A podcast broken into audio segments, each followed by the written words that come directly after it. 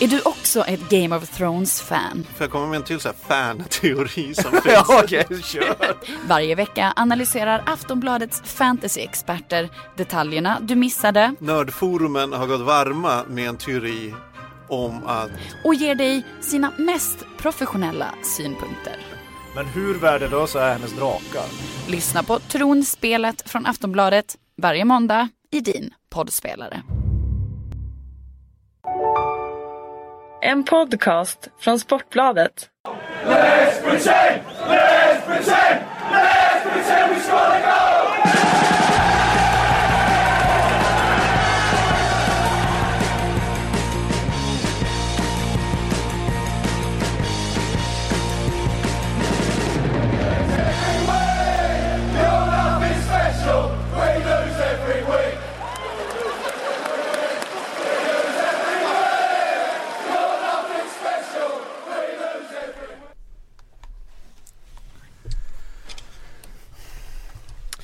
Det är torsdag, Sportbladets Premier League-podd är tillbaks på sin vanliga dag och med mig har jag Kalle Karlsson och Patrik Sjögren. Eh, det är bekanta namn och bekanta röster. Det tycker vi om, det är så vi vill ha det. We fear change, säger vi samtidigt som vi hyllar Leicester som eh, ligavinnare. Och som vi- aldrig ändrar. Och som aldrig ändrar, och som aldrig ändrar, eh, men som förändrar oss och kanske förändrar den engelska fotbollen. Mitt namn är Patrik Syk. Det kommer bli ganska mycket Newcastle idag. Vi Härligt. måste ju reda ut vad som har hänt. Ser du fram emot det Patrik? Ja, det är roligt. Det är kanske den Premier League-klubb som fascinerar mig allra mest. Kanske ännu mer än vad Leicester fascinerar mig till och med. Det är ju något väldigt speciellt med att eh, vara det enda laget som inte lyckas slå Aston Villa den här säsongen. ja det är väldigt speciellt faktiskt. Det är kanske, vi har ju liksom utsett Villa till det sämsta laget kanske som har, som har kamperat i den högsta eh, engelsk, alltså högsta eh, fotbollsdivisionen i finns ju- England de senaste, ja, men om vi säger de senaste pff, tio åren. Ja det är det ju. Det är ju tillsammans med Derby där som var uppe. De var ju uppe i 0708. N- Ja, no- 0708 var Ja. de uppe. Ja det, Och- de var ju också rätt dåliga får man säga. De var nog snäppet sämre än det här eh, Aston Villa faktiskt. Men vi satt ju innan eh, Newcastle Villa där och du Syk var helt säker på att ja, men det här är liksom promenera i Newcastle hem. Man kan ju inte misslyckas med att slå Aston Villa. Men jag sa ju det då också. Man kan inte tro att Newcastle ska vara logiska. Alltså det är enda laget i ligan du aldrig någonsin ska skriva någonting på stryktipset. Så fort du är med är det bara, då är det fan, då kan du gå och köpa en trisslott istället. Helt omöjligt. Ja, eh, verkligen. 0-0 fick de mot Aston Villa och bjöd då in Sunderland eh, in i matchen igen. De hade det i egna händer kan man väl säga. Eh, eller det hade de ju, Ja. Newcastle, om de hade vunnit den här matchen. Eh, och istället med eh, en match mindre spelad då, Sunderland, så lyckades man först ta tre poäng mot Chelsea, vilket ju var otroligt starkt gjort. Eh, och igår så körde man ju fullständigt över, nu glömde jag bort vilka var de Everton. Everton var det ju förstås. Körde över dem, 3-0. Ja, en eh, jävla målvaktstabbe på 1-0 målet som Newcastle-fansen nog inte var helt nöjda med. Bland Nej, det får man ju säga. Det får man ju säga. Jag vet inte fan vad han höll på med där för att Han fick Alltså- foten på fel eh, tyngdpunkt på något sätt. Han chansar ju. Alltså jag chansar och chansar på ett väldigt märkligt sätt Ja, för att verkligen. Det är ju eh, en värdelös frispark. Ja den är ju mitt i målet och, och, och inte typ, svinhård. Nej inte på något sätt någon uh, frispark som Som man ens behöver chansa Nej, på nej. utan uh, ja, jag, jag, det, var, det var bara märkligt och Det försvann ju några spelare där ur muren Och det var ju där han sköt men Det var ju i alla fall inte där han stod Nej, att, han eh, borde ha sett den också. Alltså det var inte så att det, det var maskerat bakom en jättestor mur eller massa folk så att han inte såg den. Det var ju, det var ju fritt fram. Nej det var mycket märkligt helt enkelt Joel Robles Ja, som, eh, ja, de har ju haft lite struligt på målvaktssidan Everton, det får man säga. Ja Eh, Det är ju en av förklaringarna till att det har gått så dåligt den här säsongen, får man ändå eh, säga. Men vi stannar vid, eh, vid den där matchen och Sunderland då som ju faktiskt övertygar ordentligt. Vilket mål han gör, eh, 2-0 målet. Vilken Ja. jävla träff han får. Visst det är nära mål och det är liksom Det är men- synd att det är så nära mål, Jag för vet, att den för- träffen vill man ju se lite längre ifrån För då blir det ju en sån där eh, minnesvärd fullträff som eh, samlas upp på highlights-videorna från säsongen sen eh, Ja nej det var ju ehm, eh, Passande att han fick göra mål nu också för han har ju betytt väldigt mycket för eh, Sunderland och deras eh, Alltså nya Mm. kontrakt här i Premier League för att eh, Innan han kom in, Lamine Kone, så var de ju väldigt, väldigt arga i försvaret. ja, och de, även om han var stor och stark och man anade att han kunde stå och nicka undan bollar så anar man kanske inte att han skulle styra upp hela backlinjen på det sättet som, som han har gjort. Men det kanske behövdes Det bara något litet.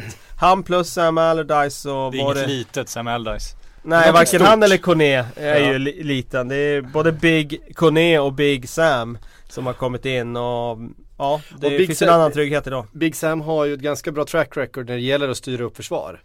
Det har han gjort förr. Och eh, han vet precis vad han, eh, vad han kan begära utav en sån spelare och vad han kan få ut av honom. Och, och egentligen så, och så vet han förstås vad som krävs eh, i den här divisionen för att klara ett nytt kontrakt. Vi får väl ut, nu får vi verkligen utse Sandren till utbrytarkungarna. Ja det måste man ju göra. Menar, De hur- är ju är där och dansar på det linan varenda Ja, år. det, det tredje, det tredje säsongen i rad som vi dömer ut dem och de Ja. löser det ändå. Alltså där, det ska liksom inte gå. Nej, den här gången trodde jag verkligen det var klippt. Jag måste erkänna det. Jag Ja, trodde jag inte också. de skulle kunna gräva sig ur det här. De såg så himla färglösa ut hela hösten. Och så tråkiga. De hade inga spelare som stack ut överhuvudtaget. De hade Liksom det där mittfältet var ju bara, ja visst Janne vila för all del Men bortsett från honom så så de har inte haft någon klass överhuvudtaget. Backlinjen Ja, van Arnold har varit bra offensivt emellanåt men Alltså Det har ju varit en enda virvar där bak. Eh, Målvakterna får man ju säga för de använder ju en del. Eh, De har inte heller övertygat. Eh, Det är alltså Den enda som man får säga som verkligen har Liksom övertygat utifrån förväntningar och sådär Det är ju Jermaine Defoe. Ja. Som har varit eh, Som alltid gör mål. Ja, alltså Ja, man otroligt mål, mål i varannan match. Och man får ju säga där med fast i hand att de la stora pengar när de värvade honom Plus att de gav honom ett treårskontrakt med en diger lön Men det har ju varit värt det Ja det har ju, bet- det är ju tack vare honom som de har säkrat det här kontraktet, de, de Så är det mål man har gjort. Eh, för att det har ju varit otroligt eh, poänggivande mål eh, som han har gjort den här säsongen också. Jag såg någon tabell, jag har inte med mig den in i studion nu men att eh, han har räddat dem Ja men någonstans så här 15-18 poäng någonting själv med sina mål. Eh, Ja men de la ju mycket pengar på en, på en åldrande spelare och visste att de aldrig kommer få tillbaka pengarna för. Newcastle kunde gjort samma med Charlie Austin men valde att inte göra det och satsa på någon de trodde att de skulle kunna tjäna pengar på istället. Och man kan väl se en viss skillnad där hur det gick. Utan tvekan. Eh, Newcastle då? Detta Newcastle som eh, eh, ingen, men, alltså, som ju inte ska, som, som är för bra för, för att åka ur egentligen. Eller? Jag vill titta på vad de värvade inför den här säsongen då. Eh, de hade alltså näst högst netspend i ligan. Efter Eh, Manchester City Efter Manchester City som låg i en liten egen division. Eh, men man hade alltså en netspend på eh, 450 miljoner ungefär svenska kronor och en total inköpskassa för en dryg halv miljard. Man gjorde inte så med så mycket, eller man gjorde så med ett antal spelare men man fick inte så mycket pengar för dem. Ehm, 49 miljoner pund tror jag man handlade spelare för i sommar. Eh, somras. Så det var Wijnaldum, det var Mitrovic, det var Mbemba, det var Tovan. Och så dessutom så förstärkte man ju i vintras med John Joe Shelby och Andros Townsend för ehm, Henri Saivé Ja, Henri Saivé. För eh, vad det nu blir, det blir 30 miljoner pund till. Så man har alltså under den här, inför och under den här säsongen spenderat nästan 800 mil, äh, drygt 800 miljoner svenska kronor. Ja, Eh, problemet- Det är ju, det är ju så pass mycket pengar så att det, då ska man ju inte gärna åka ur Premier League. Nej men vad, vad köper de för pengarna då? Förra sommaren köpte de ju, alla de handlade utom eh, eh, Tauvin kom ju innan Steve McLaren var utsedd till ny tränare. Tauvin kom utan att McLaren sett honom i en enda match själv. Han är ju var bara tränare men inte manager, han fick inte välja någon av de spelarna. Samtidigt är det också så här, de har ju värvat ganska dyrt sett till hur, hur mycket de värvar totalt. Men om man slår ner det per spelare så ligger de ju väldigt, väldigt lågt. De har fortfarande, Michael Owen fortfarande deras dyraste spelare, Alan Shearer fortfarande deras näst dyraste spelare, de köpte honom 96 genom historien. De har aldrig betalat mer för någon spelare. Och det är ju så de har jobbat. De har liksom slösat pengar på många med hopp om att någon ska bli riktigt, riktigt bra. Så att de sen kan sälja honom och få bra betalt för dem.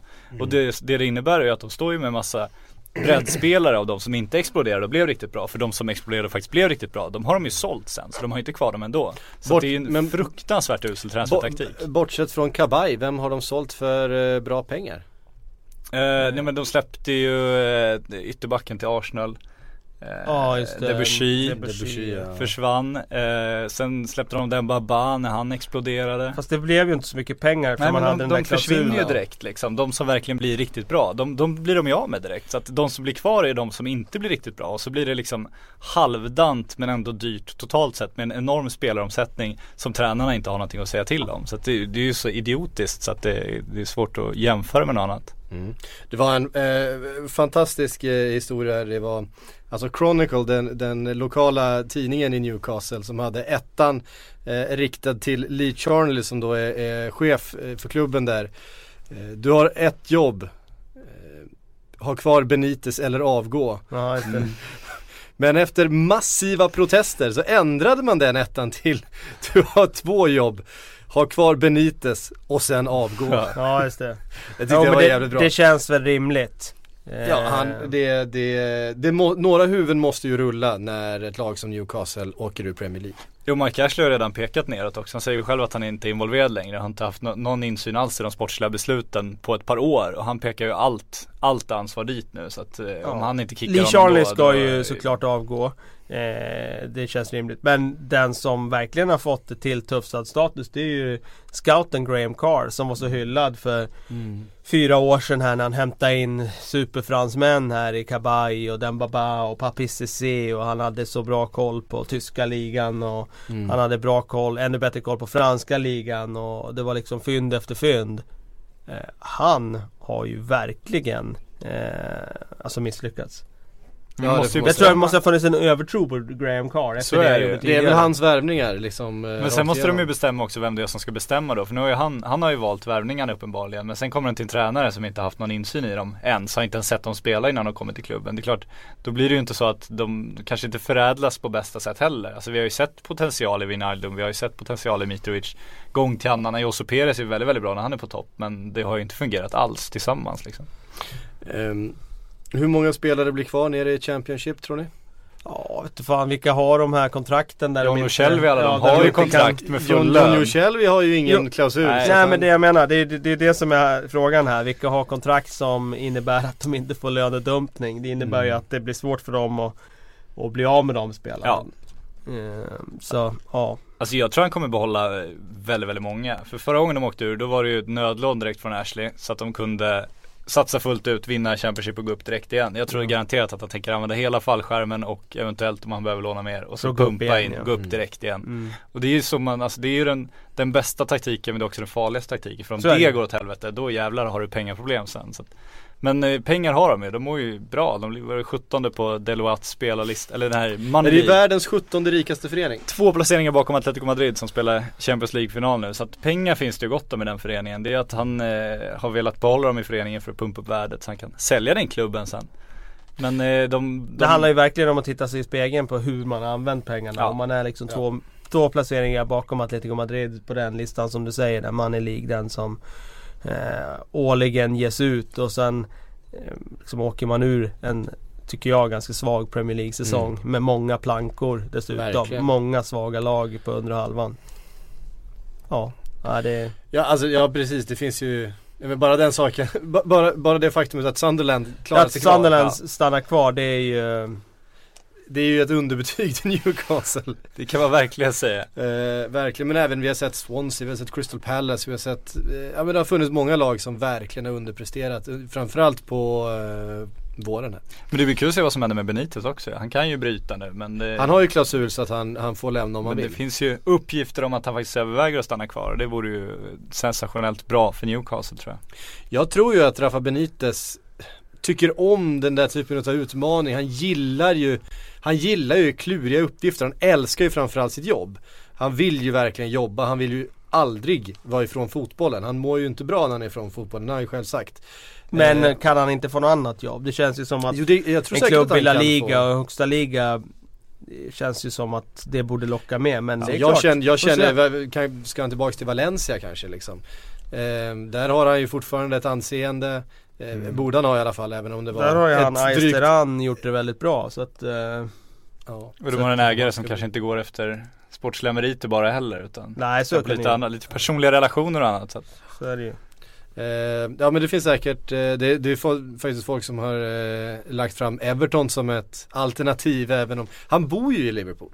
Eller hans familj, han har väl lägenheter och bostäder lite eh, överallt. Han har väl säkert något boende kvar i Madrid också. Men eh, hans familj och hans bas är ju i Liverpool. Eh, och Everton letar ju tränare men det hade ju inte känts sådär jättebra Ah, den, va? eh, den, den dörren tror jag är stängd. Ja, Jag tror att det hade blivit all, lite för jobbigt, även för honom. Alltså, jag, tror, att han hade känt eh, Det är jobbigt att bo i Liverpool då in, också. inte görbart. Eh, även att rivaliteten mellan de två klubbarna, det är ju inte som om han hade tagit över Manchester United direkt. Det är ju en, en eh, lite mer, ska man säga, hatisk relation. Det finns ju ändå ett kamratskap mellan Liverpool och Everton, eh, även om rivaliteten förstås finns där. Men eh, ja, vi kan väl återkomma lite till vem som ska ta över Everton annars. Det finns ju några namn som Ja, som eh, det har kastats runt. Vi måste säga någonting om Sunderlands formtopp då också för att jäklar vad de prickade in den. De har ju faktiskt sett ganska bra ut senaste månaden. Stabila. Ja, de, de har ju sett ut som ett ganska bra lag. Ja. Eh, och det trodde man ju inte man skulle säga om det här Sunderlandet. Sunderlandet. Nej jag Ja. vet inte, det vart en konstig Ja, nej men ehm, Nej, det trodde man ju inte. Det de har, har Det de verkligen har fått det är ju struktur. Jag vet inte om jag skulle kalla dem, som du säger här, ett liksom, riktigt bra lag. Det, jag tycker inte det. Jag tycker inte det är det man Nej, ser det. när man ser dem Ganska bra. Det, man ser ett rakt och strukturerat lag som kan ta poäng och vinna matcher. Eh, och det är ju tillräckligt bra för att stanna kvar. Det är därför de, därför de gör det. Eh, jag är inte så säker på att, eh, att eh, om de presterar den här fotbollen under hela denna säsong att det kommer vara liksom guld och gröna skogar liksom på sikt heller för att Nej men då är de ju en Eh, mittenklubb, det är ju Ja men ja absolut. Om resultatmässigt. den- men då kommer det bli samma diskussion sen kring Kring eh, Sunderland som det blev i West Ham kring Sam Allardyce och hans fotboll. Ja. Kring hur attraktiv den är och så. Eh, Men eh, som sagt han har gjort det fantastiskt bra. Han ska ha all cred för det och eh, bara att liksom strukturera upp det där försvaret som läckte som ett såll innan jul det är ju väldigt imponerande. Jag såg du skrev på Twitter där, han har gjort det omöjliga, han har lärt Jonas, han har lärt Jonas Kabul att försvara. Ja, han har ju uppenbarligen fått en renässans. Han, eh, han var ju bra en gång i tiden, Kabul. Eller ett år gjorde han det väldigt bra i Tottenham. Men sen känns det ju som att eh, i början av den här säsongen att han hade tappat alla ramar över hur man bör agera i försvarsspel. Han Och- chansbryter ju rätt mycket om man säger så. Så, så är det ju och han är stor och rejäl och resolut och när han väl eh, värderar rätt då kan han ju vara en sån där koloss i försvaret som ja, vinner matcher åt sitt eget lag. Och det har han ju varit nu på slutet. Han var ju, tycker jag, planens bästa spelare igår. Trots att Kone gjorde två mål. Big Sam fått hand om John Stones nu innan EM också. Så det blir lite ordning. Ja, det ska vara intressant att se hur eh, John Stone skulle funka i ett Sam Allardyce-lag. eh, liksom, med den passningsfoten han ändå har. Och Och allt annat han inte har allt längre. annat han inte har i sitt försvarsspel. Då, Mm. då, det skulle vara intressant. Eh, det skulle vara intressant första tiden för då skulle han ju inte få spela sitt eget spel överhuvudtaget. Sen när Big Sam har lärt honom att försvara då skulle han ju vara den ultimata mittbacken. Ja. Nej men eh, John Stones måste väl vara en mittfältare i Big Sams ögon? Ja, eller en bänkspelare. Um, Bänkspelare är värd 600 miljoner kronor. Ja, något sånt va? Eh, men han lämnar väl eh, Everton den här sommaren? Alltså om Chelsea har scout, fortsatt scouta honom lär de ju inte göra det. Om de eh, inte har fortsatt scouta honom och har kvar de gamla dokumenten, då lär han väl göra det. Man, man, men frågan är vilka som var, gjorde det sämsta beslutet. Chelsea som försökte värva honom eller Everton som tackade nej till det där jävla dunderbudet. Ja, det är, det är faktiskt en bra fråga. Um, Stones vill väl gå själv? Han kände väl att eh, en sån här säsong gör jag ju inte igen så. Nej. Nej, det blir intressant att se vad han tar vägen också nu. Det är kanske en fråga för Silly Season-podden när den väl startar igång. Men Men det är först på måndag så du kan Ja. köra nu. Ja, nej men det känns ju ändå som att han skulle behöva en ny tändning. Priset har sjunkit lite grann. Kanske efter den här svaga säsongen. Ehm, känslan är ju att ehm, han skulle kanske behöva en ny miljö för att liksom studsa upp igen. Och det finns ju klubbar som definitivt kommer vara villiga att betala för dem. Det tror jag ju. Ehm, även om de kanske inte lägger de pengarna som vi snackade om i fjol. Ehm, det beror ju också på lite vad, hur Everton väljer att ehm, investera nu med sina nya ägare. Det kan ju faktiskt vara så att det kommer in en väldigt profilstark tränare. Men vi återkommer lite till, till Evertons eh, framtid. Nu är vi inne och talar på Eh, Everton Hela igen tiden alltså. Ja, jag vet inte vad det är. Eh, Någon slags, du har någon slags dragning till Ja, Everton. något perverst där. eh, det kanske är sex masochism. Ja exakt, den var är en klassiker. Ehm, vi hade sista matchen på Upton Park. Har ni, Boiling har, ground, har, ni fått, har ni fått med er det förresten? Att det inte ska spelas mer fotboll eller att den ska rivas? så Att West Nej vadå, ska den rivas? Ja, ja ni, har, ni har fått med er det? Åh fan, nej det har jag aldrig hört det var det jävligaste faktiskt. Ja, det var en nyhet. Ja. Känslosamt. Ja det har verkligen varit en följetong den här våren. Fy fan.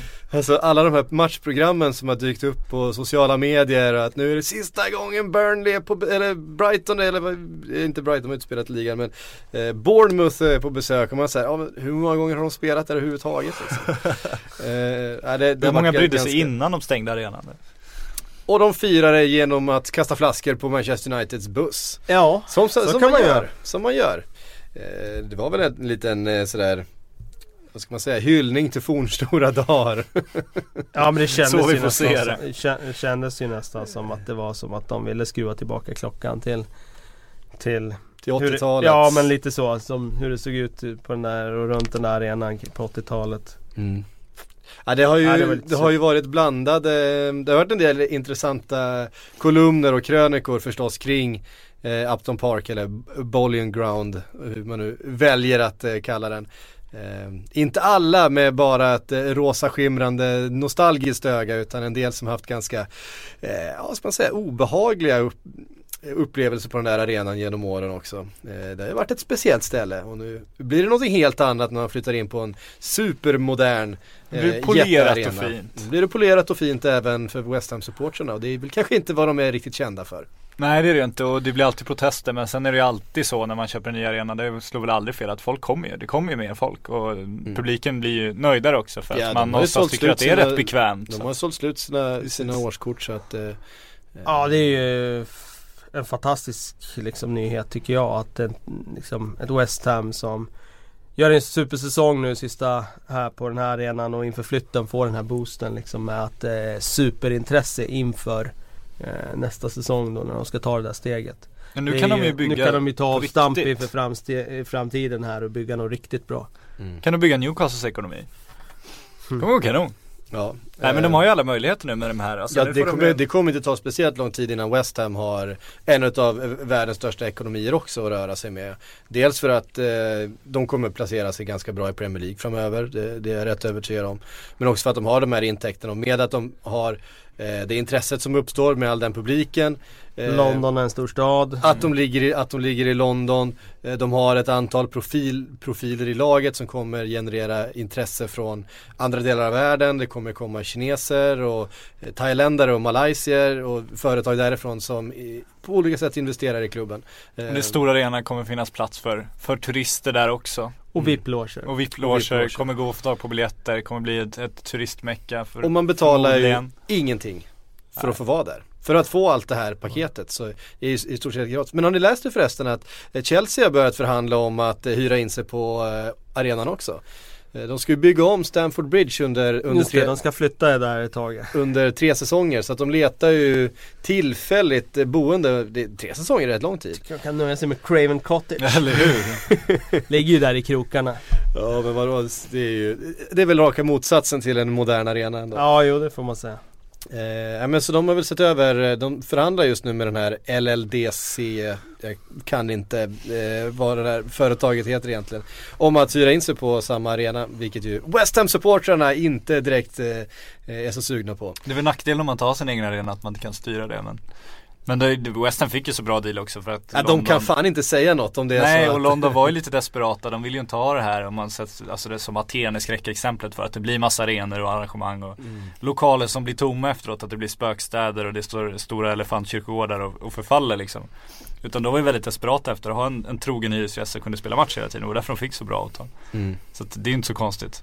Nej, Men då så- får de acceptera eh, de negativa grejerna som kommer vi också. får ju, Vi får se hur det blir med Chelsea då. De har ju också förhandlat om den där rugbyarenan som jag inte kommer ihåg vad den heter nu. Men då kommer de ju få spela med så här. Då kommer man ju se rugbylinjer som de har målat gröna och sådana saker i några säsonger. Det, det gillar man ju inte. Det är lite amerikanskt när de alltid har de amerikanska fotbollslinjerna på alla, yardlinjerna på alla fotbollsplaner. Ja, exakt. Soccer fields.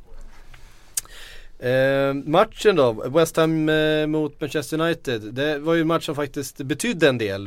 Eh, United hade ju det här, nu kan vi inte bara säga Manchester United får vi säga. Ja. Eh, hade ju det här i sina egna händer med fjärdeplatsen. Och hade de vunnit så hade de eh, gått förbi Manchester City helt enkelt. Eh, på lika många spelade matcher. Ja. Men det gjorde man inte. Man hade, man hade 2-1 med en kvart kvar. Men nu måste ju Gaal ha grävt sin grav. Det här måste ju varit Ja, sista. alltså. Han kan ju inte sitta kvar. Jag, jag tycker det är helt otroligt att han sitter kvar idag. Eh, han måste skulle ha rykt före för jul många. där. Eh, med tanke på vilket eh, totalfiasko hösten var. Eh, med tanke på vilken extremt torr och intetsägande fotboll de spelade i Liksom från att säsongen startade egentligen till ja, Väldigt långt in på säsongen och fortfarande Eh, men eh, ja, det måste vara spiken i kistan. Eh, de måste ju ha varit så att de väntade bara för att avvakta och se kommer, kommer vi att fixa den här Champions League-platsen eller eh, vad ska vi ta beslutet utifrån? Och nu ja, har de ju i princip spelat bort sig själva. Eh, jag har svårt att se att City skulle slarva bort det där nu Ja, i sista omgången. Det, En poäng mot Swansea. ja det borde de kunna greja. Och, eller, United måste ju vinna då också, det ska man inte heller förutsätta att de gör nu längre. Ja, ska man inte förutsätta att de gör längre. nej det vet man ju aldrig. Men eh, Det gör Ja. de väl förmodligen men, men eh, som sagt jag tror inte City eh, tappar nej det är svårt att säga. jag tror inte de tappar några poäng överhuvudtaget. Jag tror att de vinner ganska, ganska tryggt mot ett Swansea som inte, ja, som visserligen har sett rätt bra ut just senaste matcherna här. Har gjort eh, ganska mycket mål mot både eh, Liverpool och vilka var det de mötte nu senast? Eh, De gick ju och vann en ganska stark seger senast väl? Ja precis, ja men de har gjort det eh, ett par ett par matcher nu men, men eh, säsongsavslutning, inget att spela West. Ham gick de och vann med 4-1 mot- Exakt, så var det. och det var starkt. Ehm, hur som Men, helst, det, det är ja. liksom Manchester Men- City som det var någon som beskrev det, skrev det ganska träffande tycker jag efter den eh, Det var på Twitter jag såg det, just det där med Manchester Uniteds insats mot West Ham. Att den symboliserade deras säsong ganska väl. Att mm. inte tillräckligt bra men eh, några magiska moment av Martial som skänker hopp här och Ja. där men till slut inte tillräckligt bra. Och lite så har det ju varit. Ta bort honom från den här säsongen alltså då eh, hade de ju legat bra mycket längre ner. Han har ju, även om han inte i mål eh, alltid liksom har satt dit den så har ju han varit katalysatorn i offensiven för det där Mm. laget. I övrigt har det inte hänt någonting egentligen. Och eh, Alltså jag tycker att det är så extremt brekt material de Mm. har. ja. Eh, det är för många mediokra spelare som de springer runt med. Och det, det är inte rimligt att tro att de ska sluta liksom i Champions League med ett så Du kan ju ta bort fem spelare ur den startelvan ganska snabbt och ersätta med, med spelare som inte är världsstjärnor och du kommer fortfarande och du kommer få ett bättre lag.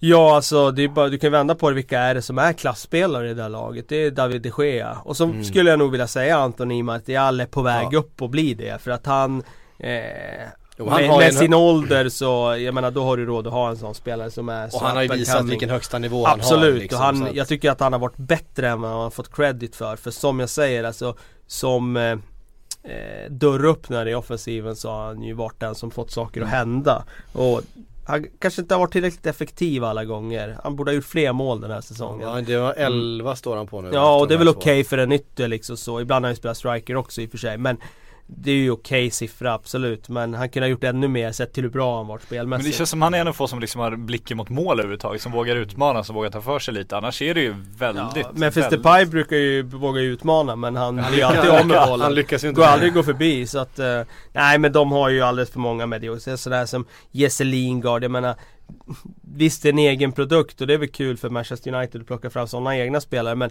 Han är ju 23 år alltså han är inte Han är inte 19 liksom, han är 23 alltså det är, Han är inte tillräckligt bra Det är inte en Manchester United-spelare Marcus Rashford tycker jag faktiskt Jag tyckte han var rätt bra nu även eh, mot West Ham. Han, han kombinerade bra och var inblandad i båda målen. Det var han Ehm, och har bidragit med mer än bara, sen har ju stoppat dit några mål, det vet vi ju. Eh, Ja, men det jag, tycker, också- jag, tycker han ser, jag tycker han ser eh, spännande ut. Ja, ja absolut. Och jag menar med den åldern när, när man är så ung Genom, är det ju... Genombrottet var ju en sak, men jag tycker han ser även spelmässigt eh, intressant ut Absolut, faktiskt, nej men det ju, har ju varit en bonusspelare, en joker som dök upp här under våren som ändå har liksom också gett en antydan om att det finns lite underifrån som kan komma in. Och även de här Fosu Mensa och för den delen Cameron Bo- Borthwick Jackson tycker jag också Min nya liksom, favoritspelare, alla kategorier. eh, Bara gjort- för bussuppträdande. Gjort det bra, gjort det bra. Jävla Om det, var någon som miss, om det var någon som missade videon inifrån bussen, för, förklara det bara för Ja, men Bothwick Jesse Lingard ligger på golvet och skriker med sin mobil eh, på någon snapchat där bakom honom ligger Phil Jones och tar någon slags selfies.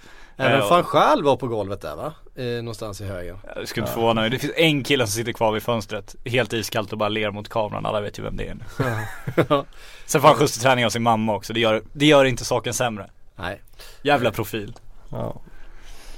Nej men det, det Men, ut med van då. Rooney till Kina. In med Mourinho. Vad händer sen då? Ja, sen kommer ju Mourinho såklart få en stor check med pengar och handla Ja. spelare för. Han Handla kommer sitt skicka lag. Juan Mata till eh, bortre. Manchuriet. ja till vart som helst, jag tror han skiter i Ja, det vart han hamnar. Eh, han kommer skicka lite spelare hit och dit och han kommer behålla några. Kommer Jag han behålla Rooney? Nej, jag, in, jag tror inte det. Eh, möjligen eftersom Rooney alltid har varit lite av en Mourinho-favorit. Men eh, det är klart, i och för sig har han haft en stigande formkurva här under våren. Det har han faktiskt haft. Jag tyckte han var, man ser liksom nu att det finns kvaliteter där men den lönen, det är klart att får han ett jättebud från Kina och vill tjäna ännu mer pengar så tror jag inte de tackar nej till att bli av med den löneposten. Det är ju en enorm eh, peng som ska ut i lönekuvertet varje år för honom. Men han brukar vara brutal där Mourinho med de här eh, riktiga profilerna. Antingen så gör han dem till liksom trotjänare, ikoner och bygger, gör allting för att bygga dem. Eller så, Så visar han sin makt och bara puttar bort Ja. dem. Iker, fråga Iker. Ja exakt, men Hur jag det tror känns. också, det har väl snackats om att eh, United själva ville ta ett Rooney-bud förra sommaren från Kina men att eh, Rooney själv inte ville det så att eh, det hänger ju på att han också vill dit. Alternativ till MLS för att flytta honom till en annan eh, sportsligt intressant klubb som ska betala den lönen. Det känns ju väldigt, väldigt svårt just nu. Ja det, det så är Tillbaks det till Everton. Ja. De kan inte Ja. betala hans lön nu för sig men eh, eh, ja, men de har ju de har kapitalstarka eh, ägare i Everton också En, nu för tiden. en swap deal med han och Ross Barkley. Ja, Är exakt. det, Ja, är varför det inte? du lanserar? Men Zlatan då, vi måste in på den. Det är ju Ja. både L'Equipe och Kanal Plus påstår ju att han har två bud nu Zlatan på bordet. Det är Kina och det är Manchester United. Ja okej, ja men alltså jag tror ju verkligen det. Eh, och jag tror det utifrån att de, de har så svårt att locka till sig riktiga klassspelare. Mm. De får ju inte de bästa spelarna på marknaden. Men de har massor med pengar. Och vad ska de gå då för, på för spelare som verkligen är ren klass? Och sen är det så här, visst Manchester United ska köpa spelare för framtiden. Men de måste ju också ha spelare som är bra här och nu. Ja. För deras lag är ju inte tillräckligt bra. Så för mig är det en no-brainer att eh, lägga ett bud på Zlatan. Det, för mig är det solklart att de ska göra det. För att han är så pass bra. Han eh, kostar, en, kostar en diger slant, absolut. Men vad har de för alternativ? Vad får de för spelare? Då får de ju eh, bara den här andra klassens spelare och det är inga garantier. Och han kommer ju med vinnarkulturen. Det känns som de förlorat lite när Scholes alla Verkligen, försvunnit. Det känns inte som verkligen. Giggs har behållit Han kommer den, så komma som en spelare som höjer sin omgivning Mm. och sätter en kravspecifikation på träningarna om att så här ska man Han- bete sig. Han Och är en ju superstjärna som säljer tröjor. en superstjärna som säljer tröjor. Han tar ju också Manchester United tillbaks till den här, Ja, ja. den här positionen. Sån där Fy- stora, farliga liksom Ja, ja. svintunga laget. Men fy fan vad han kommer hata Memphis Depay alltså. Han kommer ju avsky honom. Han kommer ju avsky honom. Ja men det är samma sak där med Depay liksom. Jag, jag tror att om inte han höjer sig ordentligt nästa säsong. Han får, liksom, han får ju han får ju den här försäsongen Mm. på sig tror jag Ja. och bevisa någonting att han är på gång. Annars kan han ryka i augusti liksom. Ja, det, eh, det har inte varit någon bra säsong. Nej det kan man Ryan Reynolds here from Mint Mobile. With the price of just about everything going up during inflation, we thought we'd bring our prices down. So to help us, we brought in a reverse auctioneer, which is apparently a thing. Mint Mobile unlimited premium wireless. Ready to get 30, 30, bit to get 30, bit to get 20, 20, 20, bit to get 20, 20, bit to get 15, 15, 15, 15 just 15 bucks a month. So, Give it a try at mintmobile.com slash switch. $45 upfront for three months plus taxes and fees. Promo rate for new customers for limited time. Unlimited more than 40 gigabytes per month. Slows. Full terms at mintmobile.com. hade en bra match mot en, eh, mot en försäsongstung dansk. Eh, men det kan man inte hänga upp en, jag kommer inte ens ihåg vad han heter. Men det var ju fantastiskt nu eh, när, när det började lida mot sitt slut den säsongen. Han raderar alla bilder på sin Instagram och först, först tänker alla ja, och, ja, han, han är på väg bort nu, han gillar, det är inget med United längre. Och sen så bara, sen börjar folk bli lite mer positiva United-fans och tänka, ja men, ja men han kanske ska fokusera på fotboll, han kanske verkligen har lärt sig den här läxan nu efter att Juan Mata varit ute senast nu och, och läxat upp honom. Så nu, nu har han lärt sig och så, ja, så visar det två dagar senare att det, det är ett till reklamgig bara liksom. Det är ett stort reklamstunt, även det. Det märker man vart fokus ligger. När han är som mest kritiserad då bemöder han sig ändå liksom hålla på sådär. Zlatan ska väl inte i och för sig kasta sten i just det glashuset. Nej, nej men reklamstant, han, han, han har ju alltid varit väldigt tydlig med att det är fotbollen som går först. Det har ju Ja, aldrig gått ut ju fotbollen. Där är ju en väldigt, väldigt stor skillnad. Memphis Depay har ju liksom, det är som Zlatan brukar säga, prestera först, snacka sen. Det är väl hans klassiska ledord. Det är mycket grejer han brukar säga men det är väl ett av dem han har hållit fast vid. Det har ju inte riktigt Memphis. Depay gjort. Nej det kan man inte, det kan man inte säga.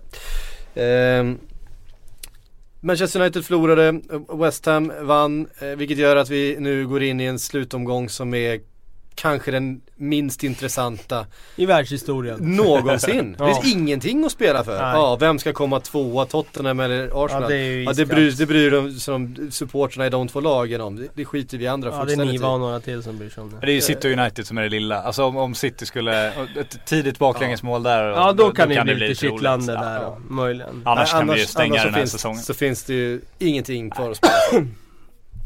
Det som faktiskt finns kvar att spela för och som kommer spelas före vi spelar in nästa gång. Om en vecka nästa torsdag så blir det säsongsavslutning då. Då ska vi eh, som vanligt försöka summera det här eh, som har hänt. Eh, utse lite, vad var det vi hade förra året? Vi hade, eh, jag minns inte ens. vi Årets hade, backfett då kanske? Ja, backfetton har vi haft eh, vi, det, har vi, det har vi kört ändå. Ja, vi hade lite olika vi hittar på nya kategorier till nästa, nästa vecka och så ska vi utse vem som har eh, gjort vad den här Vi kan väl säsongen. be om Men- förslag?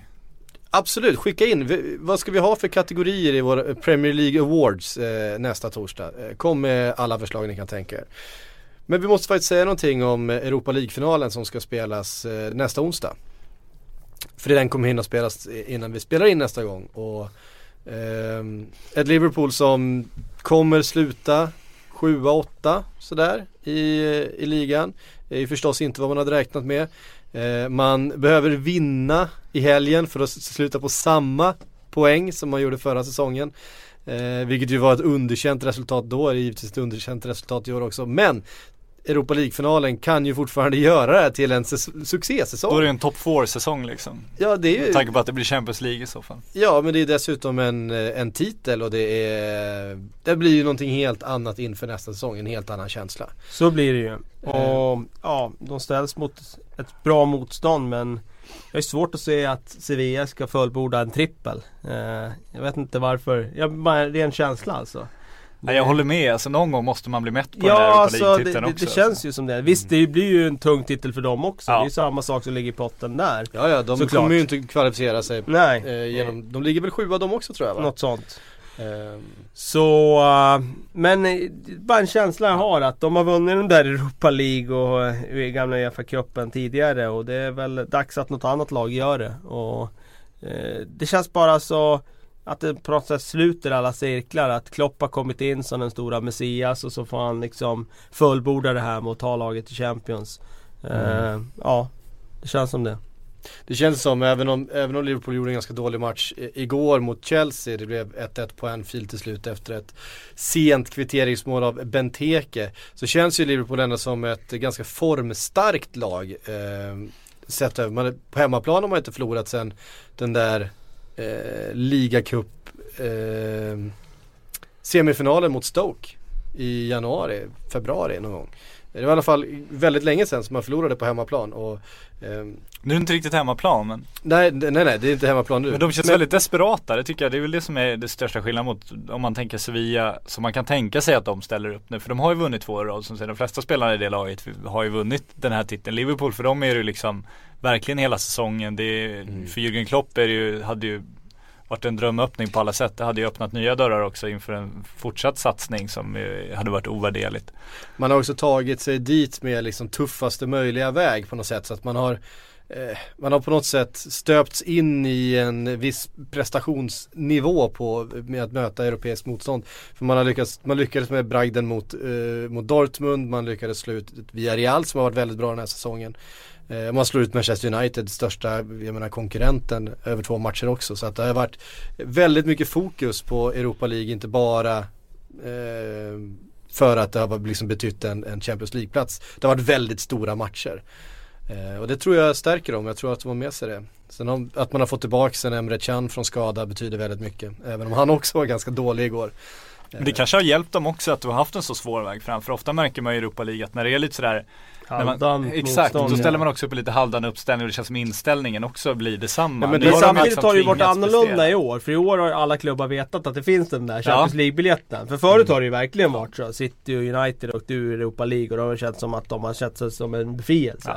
Men den här upplagan av Europa League har man ändå känt på klubbarna som har hamnat där i det slutspelet att det finns ändå Ja. en chans här att nå Champions League. Det går att vinna den här turneringen. Och, och jag tycker även, eh, alltså ett Dortmund som ju givetvis kommer att kvalificera sig för Champions League genom, eh, Ligan, genom ligaspelet och placeringen. Att de gick in och tyckte att det här var en viktig titel för dem att ta en säsong där eh, man åkte ur den, den inhemska cupen och där man inte hade något Champions League-spel utan man har lyckats krångla till Och de vet ju också att de kommer inte vinna den inhemska ligan. Så att på så sätt blir det väldigt, väldigt värdefullt för dem också.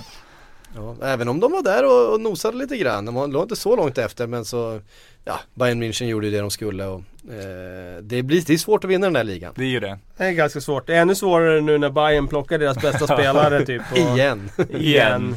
Ja. Och eh, dammsuger världen på de största talangerna. Så att det blir nog, eh, det blir men nog inte lättare för Dortmund nästa Nej, det, var, det var en hyfsad dubbel de städade av Ja, där det var i, en- i tisdags Bayern En med bra så, double deal. Men det är ju, jag tycker det är fascinerande att folk liksom hatar på Bayern för det på något sätt. De, gör ju, de har ju skött sig exemplariskt på alla sätt. De har, det finns ju en anledning till att de ligger där de ligger. Visst, de har ju sin historia absolut. Men de sköter ju hela, hela klubben liksom till perfektion i stort sett. De har eh, för detta spelare på väldigt höga poster. De har liksom förvaltat sitt arv på ett så sätt. Sen har de också en ledare som var inne och vände fängelset. Det är väl en annan sak. Men, men de gör ju allting väldigt, väldigt snyggt och professionellt. Så att de, de riskerar ju inte sin plats på fotbollstronen. Som Manchester United var ju ungefär samma situation i England. Inte Men, men de är väldigt, överlägsna jäm, de är ju väldigt jämförbara de två klubbarna skulle jag säga. De hade haft, Manchester United hade haft möjligheten att vara Englands Bayern München. Vilket de ju var under eh, Rätt många år. un- Under, under rätt många år men lyckades ju inte förvalta det. Eh, utan blev helt enkelt eh, ja, men bortblåsta av banan när folk kom underifrån med lite, med lite högre fart. Man kan ju ändå säga att Glazer har ju såklart påverkat det. Hade Manchester United fått vara den klubben som hade tagit alla sina egna intäkter under alla de här Mm. åren. Då hade det ju då hade det varit skillnad. Ja. Men, men det är inte så att det saknas pengar. Nej, det har inte gjort det de senaste åren när TV-avtalen har svällt. Det har det ju inte. Nej, verkligen inte. Ehm, det var Europa League-final, du ska dit Patrik. Ja, du är bitter för det. Jag Jag tycker är, det är inte, härligt. jag är inte ett dugg bitter över det. Eh, Bittrast i Sverige. Vittras i Sverige. Urkinna har varit i två dagar nu. li, lite så kanske. Ja, Men, eh, men visst, jag, jag tuggar i mig. ja det Jag tuggar i mig och hittar en inte sport. mitt Har du, har du något val? Va? Har du något val eller att tugga i dig? Nej det har jag verkligen inte. Eh, så är det i alla fall. Hörrni, vi ska ehm, Jo, vi har fått en fråga här eh, som jag tycker är Jag älskar ju playoffen till Premier League. Är det, någon, är det någon av er som älskar det också? Det finns ju få matcher där det är så mycket dramatik och kan vara så dålig fotboll som betyder så mycket. Det är så mycket ångest. Alltså, Jag älskar ju ångest. Playoff-finalen är ju, den älskar jag. Den, eh, den är ju häftig liksom. Då står det väldigt mycket på spel. De här eh, dubbelmötena innan eh, har jag väl tappat lite samma entusiasm för som jag hade tidigare. Men när vi väl är framme vid playoff-finalen då är det ju då är det häftigt. Vi har fått eh, fråga från eh, Gurkan Jeppsson vilka som är våra favoriter att vinna playoffen till Premier League. Vi kan väl säga att första matcherna spelas på fredag, sen är det returmöten på måndag. Och det är också det att det är fredagsmatcher och de går mitt på dagen och Ja, går de mitt på dagen? Eller med, på eftermiddagen går de va? Gör de det till och med? Ja, jag tror det. Åh fan. Ehm, och det är Brighton mot eh, Sheffield Wednesday och eh, Hull mot Derby. Ehm, Brighton som ju var ytterst nära på att ta direktplatsen där. Det var ju en, eh, det var ju en playoff-match mot Middlesbrough. Där eh, Brighton hade behövt vinna men det blev kryss. Och de får väl ses som favoriter i det här. Ja, eftersom men de... samtidigt alltså det känns nästan som att det var flera år i rad där, så det laget som vann playoff, det var det som kom in som fyra Mm, i ja. den där tabellen liksom. Och jag tror inte det betyder ett skvatt nu vad man har slutat i sluttabellen i, i ligan nu när vi går in där. Utan jag tror det är helt öppet som alltid. Det kan gå precis hur fan som helst. Det är så Det är alltid, det är ju alltid, det, det, och det gillar man ju med de här matcherna att det, Och det blir alltid så jävla dramatiskt. Det blir Ja alltid det har en liksom förmåga att bli det. Det har ju varit det några gånger där. ehm, Brighton, eh, Sheffield Wednesday, Hull eller Derby. Vilka hade ni helst se Premier League nästa eh, vända? Alltså, Hull tycker jag man är lite trött på. Då var Ja, man ju Hall med de ju Wednesday är man ju inte trött på. nej det är man ju. De skulle man ju upp igen. önska välkommen tillbaka. Owls liksom. Gammal svensk klubb dessutom. Ja, fin svensk klubb. Eh, vore ju kul för eh, Sheffield också att vara tillbaka i Premier League. De Ja. har ju haft lite tungt med sina lag där de senaste åren. Eh, jag skulle tycka det var kul med Brighton också så känns som en sån Mm. där pigg klubb med Ja nej men det, Det är synd att de ställs mot varandra. Man hade velat ha dem i, i, i finalen där. ja. Eh, Derby. Ja, Alltså, ge mig varken till klubb. eller från Klassisk känner jag. Hall eller Derby alltså. Derby har mycket fans och stor klubb på det Ja, sättet visst. så. Eh, det är det ju och ah, Jag skulle kunna ta upp dem också men eh, man blir lite färgad också av eh, hur de var förra gången de var uppe i Premier League. Att Mm. det påverkar lite bilden av man har dem i, av Derby i Premier League. Så att, nej jag skulle nog ta Brighton då. Brighton. Ja, det är den som lever får se. Jag kommer i alla fall sitta, sitta bänkad och titta. Eh, inte minst på returmatcherna där och sen på finalen för då, då kommer det stå så otroligt mycket på spel och det, det, det brukar vara en hel del sådana här nervösa, jag älskar ju straffläggningar i de här eh, dåliga straffläggningar. Ni, ni som känner mig vet, fetisch, ja. vet att det är min fetisch. Och det brukar ju ofta vara det i de här sammanhangen att det eh, blir det straffläggning. Det är så mycket som står på spel. Det är ju den, the richest game in football brukar man ju kalla det för att det är värt så mycket pengar att gå upp i Premier League. Men det är ju fascinerande när, när spelare som kan gå ut vilken tisdagsträning som helst och sätta åtta bollar i krysset på en gång. Ja. Sen inte ens liksom kan träffa målet för att de är så nervösa. Det är ju Mm. fantastiskt Jag älskar det alltså. Ja det jag håller med det. dig, jag håller med dig. Roberto Baggio, han har inte, han har inte slagit en Ja. boll fel ett helt jävla mästerskap. Han skickar den där straffen tre meter över. Eh, ja, det är fantastiskt. Lite fler frågor då. Eh, Martin Ö, Dr Podcast, skriver eh, Vilka lag kan anses ha gjort en godkänd säsong om man ser till varje lags förutsättningar? Det är svårt att, det är svårt att inte kalla Leicesters säsong för godkänd. Ja, det är mer än godkänd. Ja den är inte godkänd utan den är Det är ju någonting helt annat. outstanding.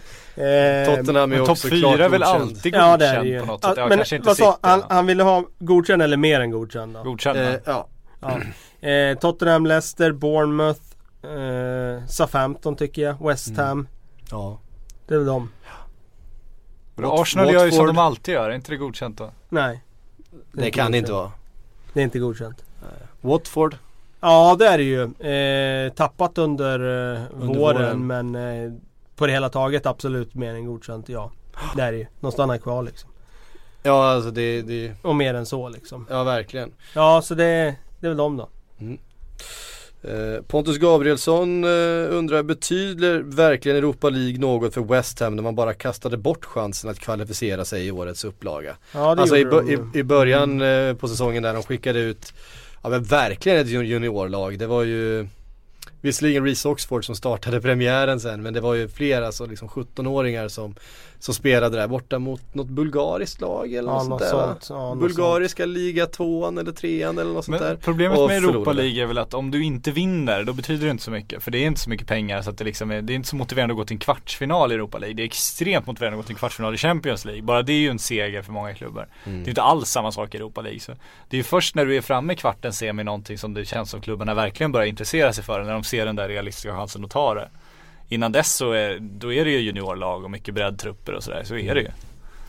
Ehm, samtidigt i, Maurizio Pochettino har i detta nu förlängt kontraktet med Tottenham till 2021. Efter sitt Oerhört. hemliga möte med Sir Alex Ferguson. Oerhört goda nyheter för alla Spurs-vänner. Ja.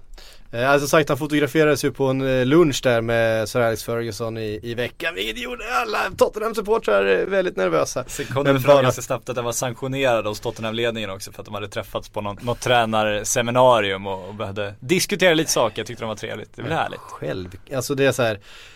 Alltså att, att, de har ätit, att han har ätit lunch med Alex Ferguson. Varför, varför skulle han gå till Manchester United bara för att han ätit lunch med Alex Ferguson? Ja fast jag, jag, jag förstår Ja, jag att man förstår. funderar. Ja, det- jag jag förstår men ju att man blir nervös, att det är så här, men det hade ju varit en annan sak om man hade kommit ut från det här med Ed Woodward Ja liksom. jo men då hade det varit Ja, då klart. hade det ju men varit en Sir Alex helt Ferguson kan man ju tolka som att det är på gång.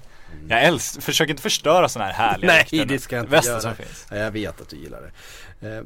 Det är min eh, dåliga straffläggning. Du kan tänka så om du förstår mina känslor för det. ja. Eh, men goda nyheter för Tottenham som sagt. Eh, Pochettino som ju är den stora, eh, den, den största anledningen till eh, Tottenhams framgångar. Eh, Ja det får man säga. En fantastisk managerinsats sen han tog över där. Men om vi ser nu på ligan, nu vinner Leicester, Tottenham kommer tvåa. Eh, West Ham flyttar in till sin nya arena, får helt nya förutsättningar. Eh, Topp två, alltså v- styrkeförhållandemässigt inför framtiden nu. Hur många lag skulle du lägga in i det gamla topp två nu? Jag skulle säga att det är en eh, topp... Eh, eftersom det är så ovisst som det är så skulle jag säga att det är en topp 8 med de klubbarna som går till Champions nu. De fyra. Ja. Eh, Plus West Ham, plus Manchester United, Chelsea och Liverpool. Mm. Det är sjukt. Men du tror Leicester även kan vara med? Ja, alltså det går inte att utesluta det nu med tanke på att de är regerande mästare och med det kan locka spelare den här sommaren. Eh, och eh, att de är där och slåss om den här sommaren. Det går inte att utesluta. Jag, som jag sa, jag tror att de kommer sluta åtta nästa år. Eh, jag tror att det blir ett tufft andra år. De ska dubbelspela. Och, Big Eight ja. ja, då blir det Big Eight ändå. Och då är de ju där. Det är väl förmodligen de åtta klubbarna som kommer vara topp åtta. Om inte Southampton eller Everton. Ja, eller... Southampton skulle kunna. De har ju avslutat den här säsongen väldigt starkt. Ja. Hela våren har de gått bra Southampton. Jag tror bara tre förluster efter nyår.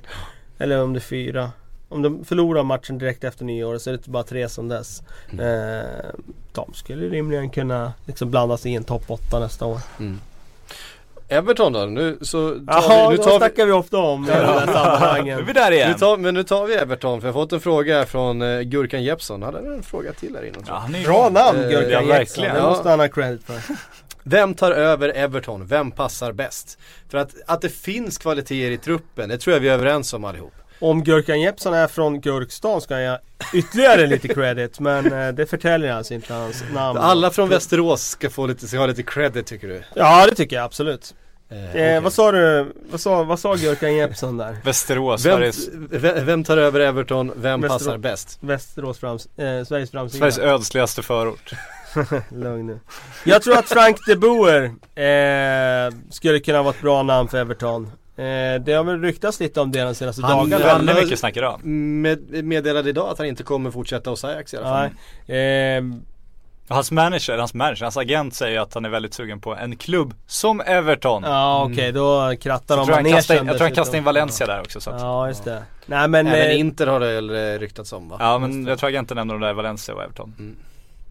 Ja men eh, De Boer, är det en, en tränare som du tror skulle fungera i, i den där truppen? Ja men det är en spännande tränare och det känns som att de ska ju inte gå på liksom Big Sam spår och ta någon brittisk tränare. Jag har ju sagt det De Howe tidigare. Mm. Eh, jag tror inte de får loss han från Bournemouth. Jag tror inte han Nej. hoppar på Everton bara sådär utan eh, inte nu den här sommaren i alla fall. Jag tror han gör en, bet- en bättre säsong eh, med Bournemouth nästa år när de har lite färre skador. Och sen så kanske han tar en ännu större klubb. Skulle kunna vara. Mm. Så pass eh, bra och bra renommé har han ju nu. Ehm, så nej det finns inte så många i det brittiska David spåret Moyes. där. Eh, ja precis, Brendan Rodgers är ju Brendan också Rodgers, ledig. Eh, men nej, det känns som att en Frank de Boer skulle kunna Mm. vara spännande och där har vi ju Coquille också den där också med snackats om. Precis, det är ju en annan spännande tränare. Eh, Det är Holländare typ är samma tränare känner jag ju bara. Bara för att de är holländare. Bara för att de är holländare, men de är så stöpta i den formen då. Det finns ju båda någonting väldigt speciellt med holländsk så. fotboll. Ja. Eh, de är ju rätt bra på engelska ofta, holländare också. Ja. Så att det är ingen språkproblem i det fallet. Så att, nej jag säger Frank de Boer. Frank de Boer. Eh, och då är frågan, eh, får de behålla Lukaku? Jag säger nej. Du tror inte det? Vem köper Lukaku? Jag tror det finns klubbar som vill köpa han. Chelsea? Chelsea, Manchester United. Ja. Alltså det Mm. kommer Ja, vara klubbar Arsenal. om det. Det kommer vara klubbar om det och jag tror att eh, han kommer själv känna att det vore spännande att gå. Får de behålla Ross Barkley? Blir de av med John Stones? Jag skojar. Ross, jag- Bar- Ross Barkley har ju kanske inte, inte tagit det där klivet den här Nej. säsongen som man hade. Av den anledningen tror jag att de får behålla honom en, ett år till. Mm. För talangen finns ju där. Ja det finns den. Ehm, John Liverpool ska återuppta sitt svindyra engelska spår och lyfta Ross Barkley. jag tror det blir svårt Tror jag att, också. att lyfta en scouser från, eh, från Everton till Liverpool. Det, det tror jag inte går. Det hade varit en, en sak att, att, att flytta en spansk tränare från ena till den andra. Men att ta en kille som vuxit upp med Everton, i Everton. Eh, och flytta honom till, på andra sidan parken. Det tror jag inte går. Det vore kittlande om inte Ja, annat. Nej, det är inte gott. Det hade inte gått. Vi får se. Eh, jag, hade inte, jag hade inte tackat nej till honom. Vi hade, vi Once a blue always a red. Ja fan, eh, Jamie Carragher växte upp som Everton-supporter. Mm, jo det är Eh, väl dokumenterat. Arvid Karlsson eh, skriver, såg Fabian Delf detta ras från Villa komma eller är han bara pengakåt? Det är väl ett, en kombination. Ett, han var väl inte den enda som såg eh, raset från Villa? Nej det var ju uppenbarligen inte eftersom, vad hette han, mittbacken där nu igen? Eh, Ron Flair. Ja han eh, var ju uppenbarligen hellre klubblös än och, ja precis. än och Eh, och Be- Benteke hade försvunnit. Ehm, ja, nej det, det kändes ju... Och jag tror inte bara han var pengakåt heller utan han fick en chans att gå till en toppklubb men man hade inte tagit den. Han är i den där åldern också som det var ju rimligt för honom att ta chansen när den dök upp också. Ja, han kommer inte få den igen. Nej det kändes inte som det så att eh, Nej, det, han gjorde väl rätt som gick det tror jag, tycker jag. På alla sätt. Sen förstår man ju att Aston Villa-supportrarna inte tyckte att eh, han skötte det sådär jättesnyggt. Eh, det får man väl ha Och så kan man ju ofta för. åsikter om när spelare går till så tydliga reservplatser som de får i sitt nya lag. När det liksom inte är realistiskt att de ska gå in i någon slags startelva. Alltså han gick in och spelade ett tag där och sen blev han ju tyvärr skadad där. Men Mm. han spelade ett tag i höstas, gjorde mål och då kändes det som att han var Ja men han var ändå Han gjorde det bra. till- Tilltänkt till elvan och aspirera på elvan. Ja, men det är inte så att eh, Fernan- Fernando Fernandinho har eh, sett ut som eh, world beaters den här säsongen. Nej Fernandino har gjort det i, I stundtals. stunder, ja. ja. i stunder har han gjort det. Fernando och Yahya Touré har lämnat en del i övrigt att önska den här Ja. säsongen. Du tyckte jag var dålig där, eller vadå i Champions League semifinalen? det, var ju Ja, någon som, verkligen. det var ju någon som tog honom i försvar och tyckte att, eh, vad fan han sprang inte alls så lite. Det var ju många som sprang mindre och Ja, det var ju Joe Hart som sprang mindre va? Statistiken eh, är missvisande, han, han sprang smart och Men när Lars Lagerbäck sitter i live-tv och säger att det, vad sa han, att det var pinsamt eller ja, han, det var väldigt starka ord från Lars Lagerbäck. Tror aldrig jag hört honom döma ut en spelare så fullständigt som han dömde ut Yahya Touré. Ja det var så? Ja, herregud. Det var underhållande. med all rätt. Ja. Eh, och då kommer ju den Känns här inte frågan. som då. en Lagerbäck-spelare direkt. Nej, nej, inte riktigt. Eh, så här, sjukt stora individuella kvaliteter men inte alls någon som egentligen bryr sig speciellt mycket om laget eller så. Nej, herregud. Nej, nu får han lunka vidare borta i Kina. Ehm, här är en fråga från en av eh, poddens eh, mer trogna lyssnare och faktiskt trogna eh, frågeskrivare. The Swedish Gooner. Ja. Han är ju nästan alltid med. Vi tror att det är en han, det kan Han vi inte veta. Ja, det var väldigt, väldigt trångsynt av dig. Ja, jag bara, bara utgick från det. Ja, det. ja. Det är ju statistiskt mer troligt eftersom majoriteten av våra lyssnare är män, det, det vet jag. Tyvärr. Eh, tyvärr. Men inte så stor majoritet som man skulle kunna tro. Nej. Eh, vi ska inte ta det här men eh, en liten majoritet är det. Han skriver, vad tycker ni om att Arsenal agerar Nordkorea och hindrar bortafans senast från att ta in banners de inte gillar? Mm. Ja, Jaha. Det här har inte jag läst än Nej, så att det är svårt. eh, Jag, jag vill ju inte tro på någonting innan jag läst det själv. Visa av erfarenhet när jag poddar Patrik. Eh, så att det är lite svårt att Ja, kommentera. exakt. Men det är inte helt ovanligt att de sliter ner kritiska budskap på fotbollsarenan nu för tiden. Det kan man ju tycka är väldigt uselt. Så länge det inte är politiska budskap som är förbjudet så tycker jag att man ska få visa vad som helst. Så ska man få ha sina Ashley out-skyltar bland annat. Precis, jag tycker att det blir lite Nordkorea när man liksom stryper det fria ordet någonstans. Mm. Alltså, eh, folk får väl säga vad de vill så länge det inte är brottsligt det man Mm. liksom uttrycker. Och så måste man ju se effekten också. Det är som när, när Mike Ashley börjar porta journalister som är kritiska. Det gör ju att svallvågorna mot honom blir betydligt större än om den där kriti- kritiken hade fått stå där bara. Ja. Det är samma om du, om du inte ens får protestera mot din, din tränare på läktarna. Då kommer ju din ilska mot klubben bli ännu mycket större än om Inte du fick minst på sociala ventilera medier. Din, din åsikt. Ja precis. Som, eh, jag tror att det är väldigt otaktiskt också. Um, fan, här är en fråga till från uh, Gurkan Jeppsson. Uh, han, har, han, har en bra vecka nu, han, Gurkan han, var, han, Jeppsson. var, han var het idag. Ja. Eh, Vem ska Spurs ta in som backup striker i sommar? När vi har Siri-generalen i huset så får vi ju Det är ju Kalle som är den, den, den, den, tak, den med taktiskt sinnelag. Det är han som ska göra scoutingen. Men, men om jag säger så här då. En sån som Lacazette nu då, efter en tung säsong i Frankrike. Går han att få lite billigare? Och Lite så? billigare, det påstås ju att eh, Lyon har lite ekonomiska problem nu och skulle Ja. behöva lasta iväg någon, att de letar efter bud. Så att eh, Om det de ska hade upp och spela gå. Champions nu och verkligen liksom bygga ett lag för att vinna titeln och sådär. Är inte det Ja. ett bra Mm. köp för dem? Absolut. Ja, svar på frågan. Lacazette. Ja. Lacazette. Lacazette. Men honom gillar vi ju. Han är bra. Eh, Tim Andersson skriver Vem hade lyckats bäst med United i år? Louis van Gaal eller Pulis? ja den är, Den är, den är, lite elak men Ja. eh, Ja. Nej men jag måste nog ändå säga att eh, jag, jag tror inte att Tony Pulis hade gjort det bättre eh, med Manchester United om du snackar tabellplacering eller så. Men Eh. van Gaal sist, 2-1 ledning och behåller Antonio Valencia på planen liksom. Premier League men sämsta det- defensiva spelare. Utnämnd av Bosse Pettersson på Twitter. Ja men det tycker inte jag han är. Jag tycker inte han är den sämsta defensiva spelaren i hela Premier League. Det tycker jag inte. Eh, han har problem Han är inte bra defensivt, Nej det är han så. inte. Det är han inte. Men det, det är lätt att säga sånt där alltså. Facit i hand. Alltså Antonio Valencia har ju spelat högerback massor av matcher där de har hållit nollan liksom. Och, ja, det är ju ja, Det är sånt som är lätt att säga med facit i hand. Jag tycker inte att det var det var, ju, det var ju mer ett strukturellt fel än att det var Antonio Valencias fel. Även om det var han som kanske gjorde markeringsmissen på någon av målen. Men alltså hur de försvarar sig på kantfrisparkar det var ju det sämsta man har sett sen. Mm. Liksom, det var ju P10-klass.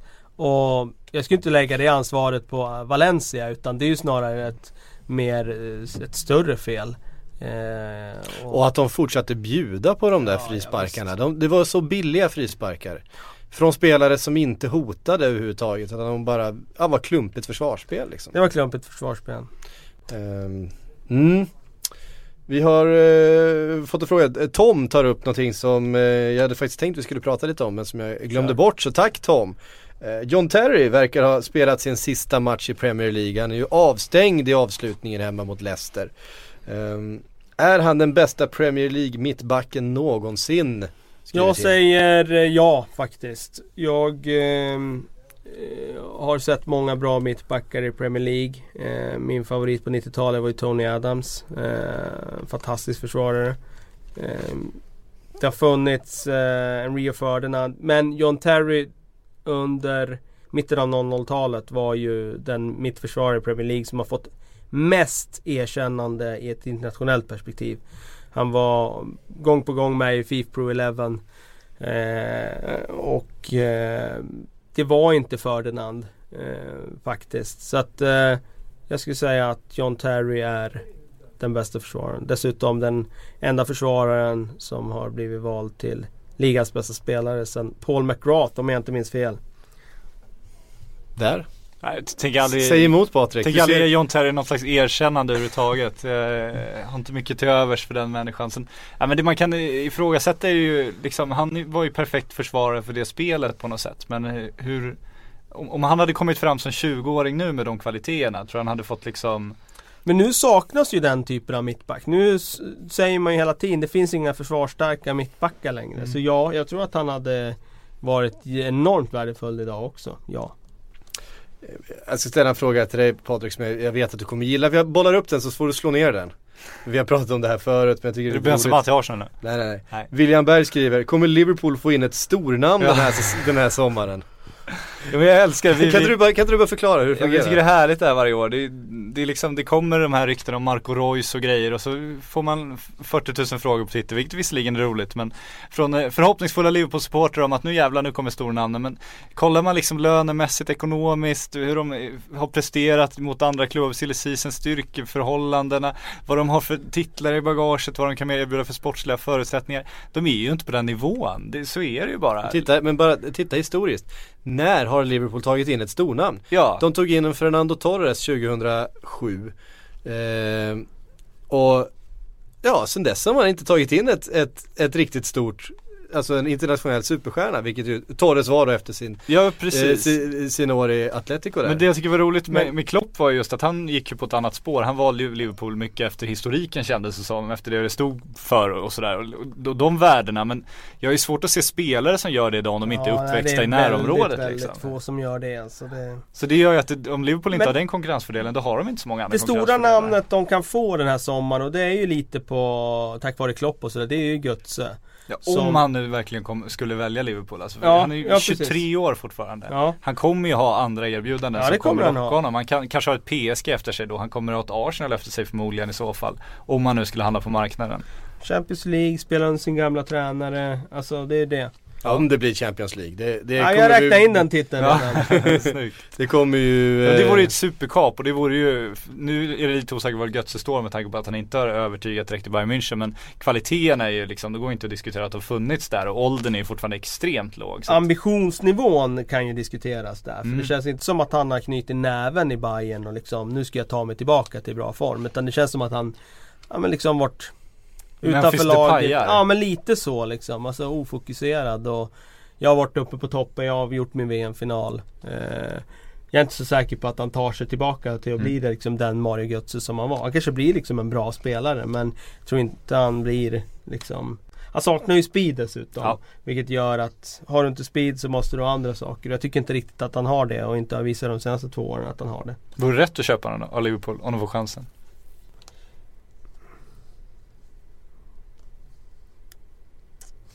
Svårt att säga. Svårt att säga. Faktiskt. Nej, det är ju det är rätt svårt att säga på förhand. Vi, vi kontrar då med en fråga från Det beror Jens. på vilka pengar det handlar om. Ja, Ja, ja. de, har väl, de gick väl ut nu med att han kostar någonstans, eh, han kostar inte mycket mer än eh, 20 miljoner euro tror jag Götze att lösa. Det var inte Ja, mycket. gå det säger väl någonting om Ja. Det säger väl någonting om hur Bayern värderar ja, honom. i så fall. Ja. Ja, jag tänker jag måste gå för över 200 miljoner kronor i alla fall. Annars Jag vet inte ifall han har bara ett år kvar på kontraktet möjligtvis. Ja, det känns ändå, ändå lågt. Men ja. Det var väl Bildt som rapporterade Ja. om det i, i går eller idag. Det man kan säga Bayern är väl rätt säljsugna också. Det är några spelare som ska bort, det är några spelare som ska in. Så att, Jens Nordström skriver, säsongens bästa värvning sett i prislapp. Jag säger N'Golo Kanté. Ja det är det Det är stort- det är inget snack. den, den, är, den är svårslagen ur ett, ur ett lite större perspektiv Ja, också. nej den, den är svårslagen i, nästan i... skulle Skit skitit i i den där, Europa. skulle skitit i den där klausulen bara. Ja. Ja, Men det är ju en eh, skrivning i avtalet liksom. Det är ju det personliga avtalet. Ja. Som affär så är den svårslagen i Europa den här säsongen. ja. Utan honom hade de inte vunnit den här titeln. Det tror jag inte.